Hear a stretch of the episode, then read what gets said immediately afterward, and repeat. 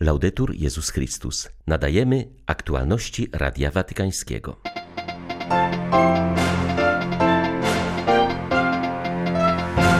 Narzekanie i spieranie się z Bogiem na modlitwie przyjmuje on z ojcowską miłością i uznaje za akt wiary, podkreślił papież podczas audiencji ogólnej.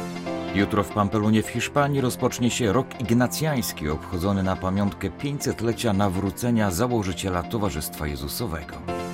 Wiele krajów świata potrzebuje szczepionkowej solidarności, inaczej nie będą w stanie ochronić swoich mieszkańców. Dzisiaj z prośbą o pomoc dla Sri Lanki zwraca się arcybiskup Colombo 19 maja witają Państwa Krzysztof Bronk i ksiądz Krzysztof Ołdakowski. Zapraszamy na serwis informacyjny.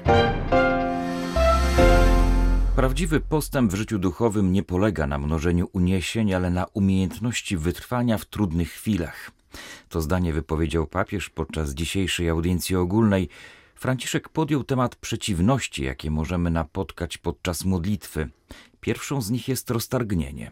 Pojawia się, ponieważ ludzki umysł ma ograniczone możliwości długotrwałego skupienia na jednej myśli. Roztargnienia nie muszą być zawinione, ale trzeba z nimi walczyć.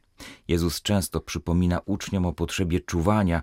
Błogosławieni będą ci słudzy, których przychodzący Pan zastanie czuwających, czyli stale skupionych na tym, co naprawdę ważne. Ojciec Święty stwierdził, że kolejną trudnością jest oschłość. Katechizm mówi o stanie nieczułego i wyjałowionego serca. Wtedy otwiera się przed człowiekiem przestrzeń czystej wiary, kiedy trwa przy Jezusie dla Niego samego, a nie dla wzniosłych doznań.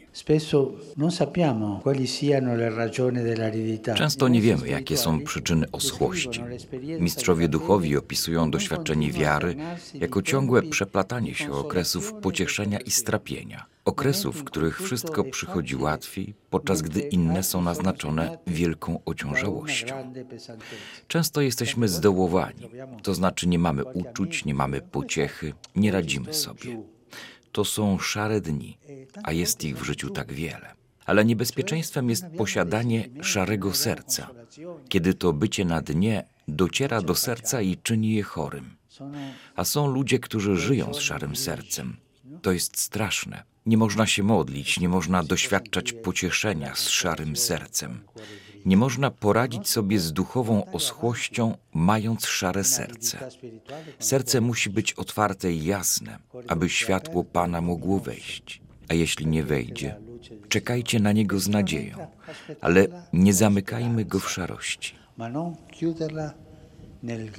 Ojciec Święty zauważył, że inną trudnością podczas modlitwy jest obojętność, lenistwo. Jest to jeden z siedmiu grzechów głównych, ponieważ umacniana poczuciem wyższości obojętność może prowadzić do śmierci duszy. Franciszek pytał, co należy uczynić w tym następowaniu po sobie chwil entuzjazmu i zniechęcenia. Stwierdził, że trzeba nauczyć się iść zawsze naprzód. Wierność Bogu mierzy się stałością. Powinniśmy nauczyć się mówić, mimo że Ty, mój Boże, zdajesz się czynić wszystko, abym przestał w Ciebie wierzyć, ja nadal modlę się do Ciebie. Ludzie wierzący nigdy nie przestają się modlić. Chwilami może to przypominać modlitwę Hioba, który nie godzi się na to, że Bóg traktuje go niesprawiedliwie, protestuje i chce się z nim spierać.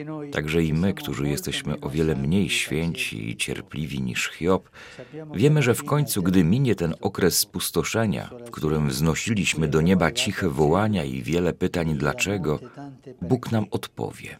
I nawet nasze najostrzejsze i najbardziej gorzkie wypowiedzi przyjmie z ojcowską miłością i uzna je za akt wiary za modlitwę. Pozdrawiając wiernych, papież nawiązał do zbliżającej się uroczystości pięćdziesiątnicy.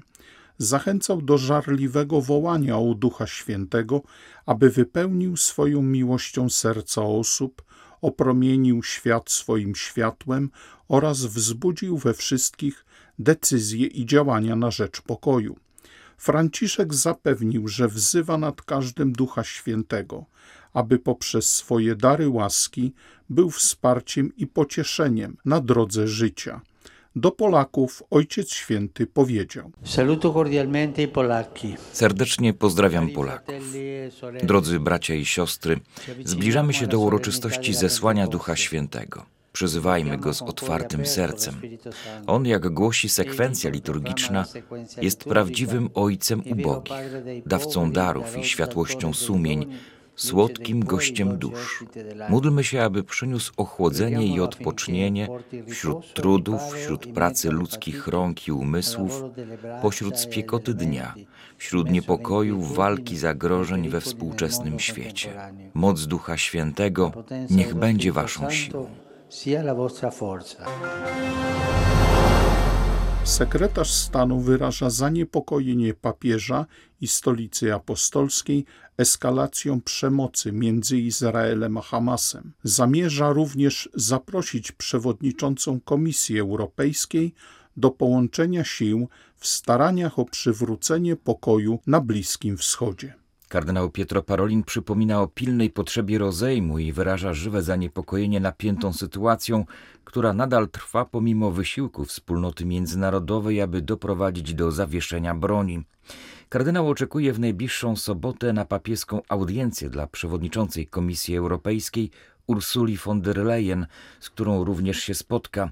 Będzie to nowa okazja do omówienia kwestii kryzysu izraelsko-palestyńskiego.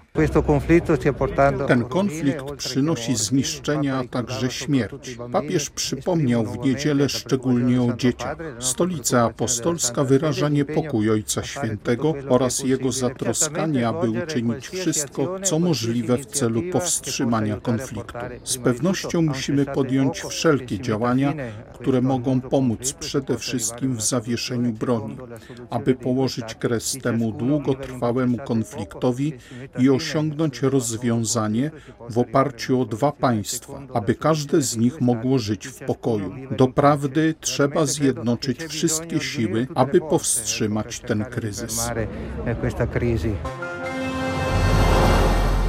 Jutro w Pampelunie w Hiszpanii generał Towarzystwa Jezusowego ojciec Arturo Souza oficjalnie otworzy obchody roku ignacjańskiego.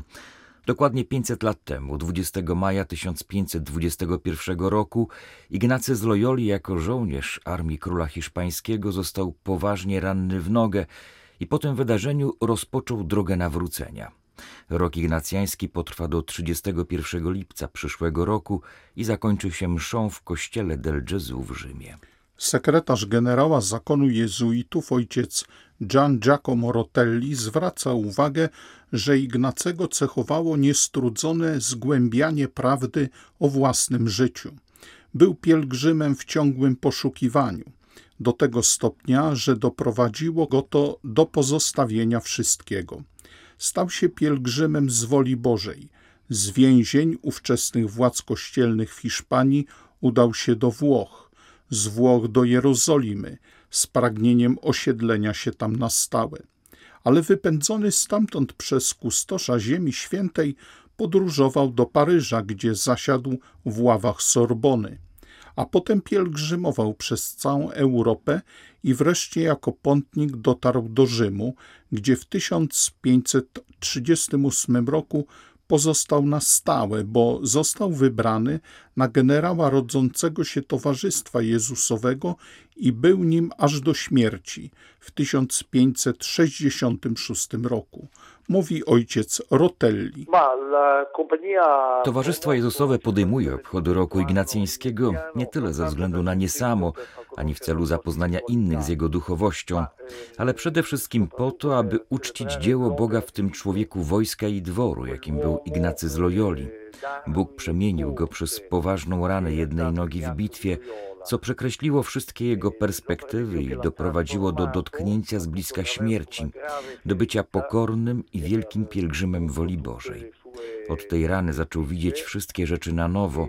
Ta ignacjańska przemiana w czasach pandemii przynagla nas do przemiany naszego życia osobistego i społeczeństwa, w którym żyjemy, aby przepaść między nielicznymi posiadaczami wielkich bogactw a ubogimi nie powiększała się, lecz jeśli to możliwe, została zmniejszona. A potem, aby każdy z nas, skonfrontowany na płaszczyźnie osobistej z chorobą i śmiercią wielu osób, także naszych bliskich, mógł oprzeć swoje życie na autentycznie ludzkich wartościach, aby być pojednanym i sprawiedliwym. Sri Lanka jest jednym z tych krajów świata, które najbardziej potrzebują dziś szczepionkowej solidarności. Wskazuje na to kardynał Malcolm Ranjit, dziękując papieżowi za to, że w czasie pandemii upomina się o los mniejszych krajów. Sri Lanka położona na sąsiadującym z Indiami Ceylonie doświadcza negatywnych skutków tej bliskości.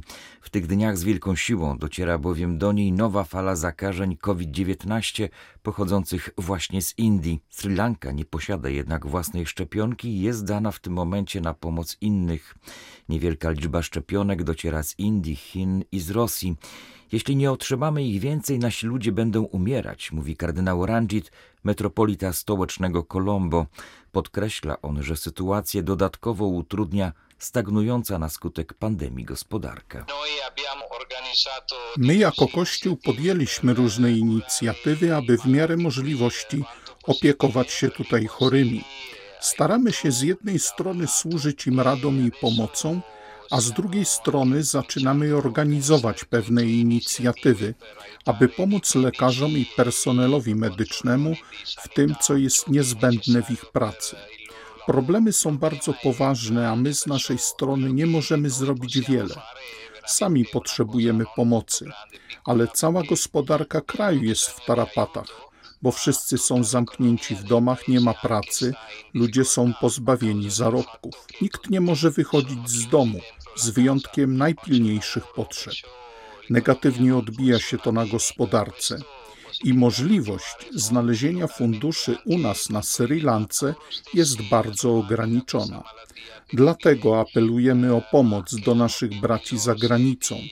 Prosimy też o pomoc w sprawie szczepionek, aby rząd mógł chronić mieszkańców naszego kraju.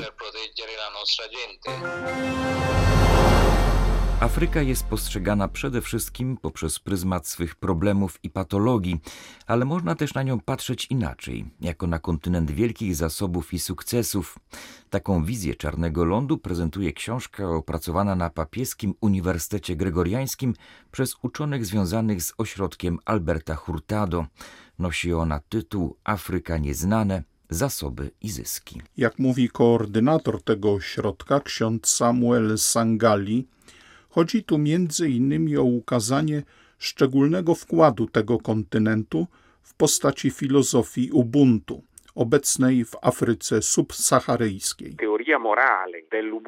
Moralna teoria Ubuntu opiera się na filozofii afrykańskiej, która uprzywilejowuje współzależność jako nieodłączną, a nie drugorzędną cechę naszej indywidualnej tożsamości. Ubuntu oznacza dosłownie jestem dzięki człowieczeństwu innych.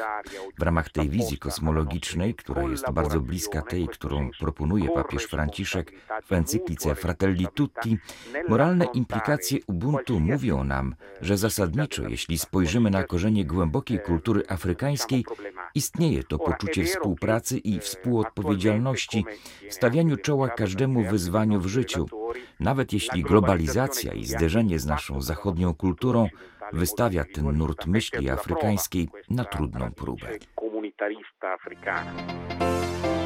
Były to aktualności Radia Watykańskiego. Laudetur Jezus Chrystus.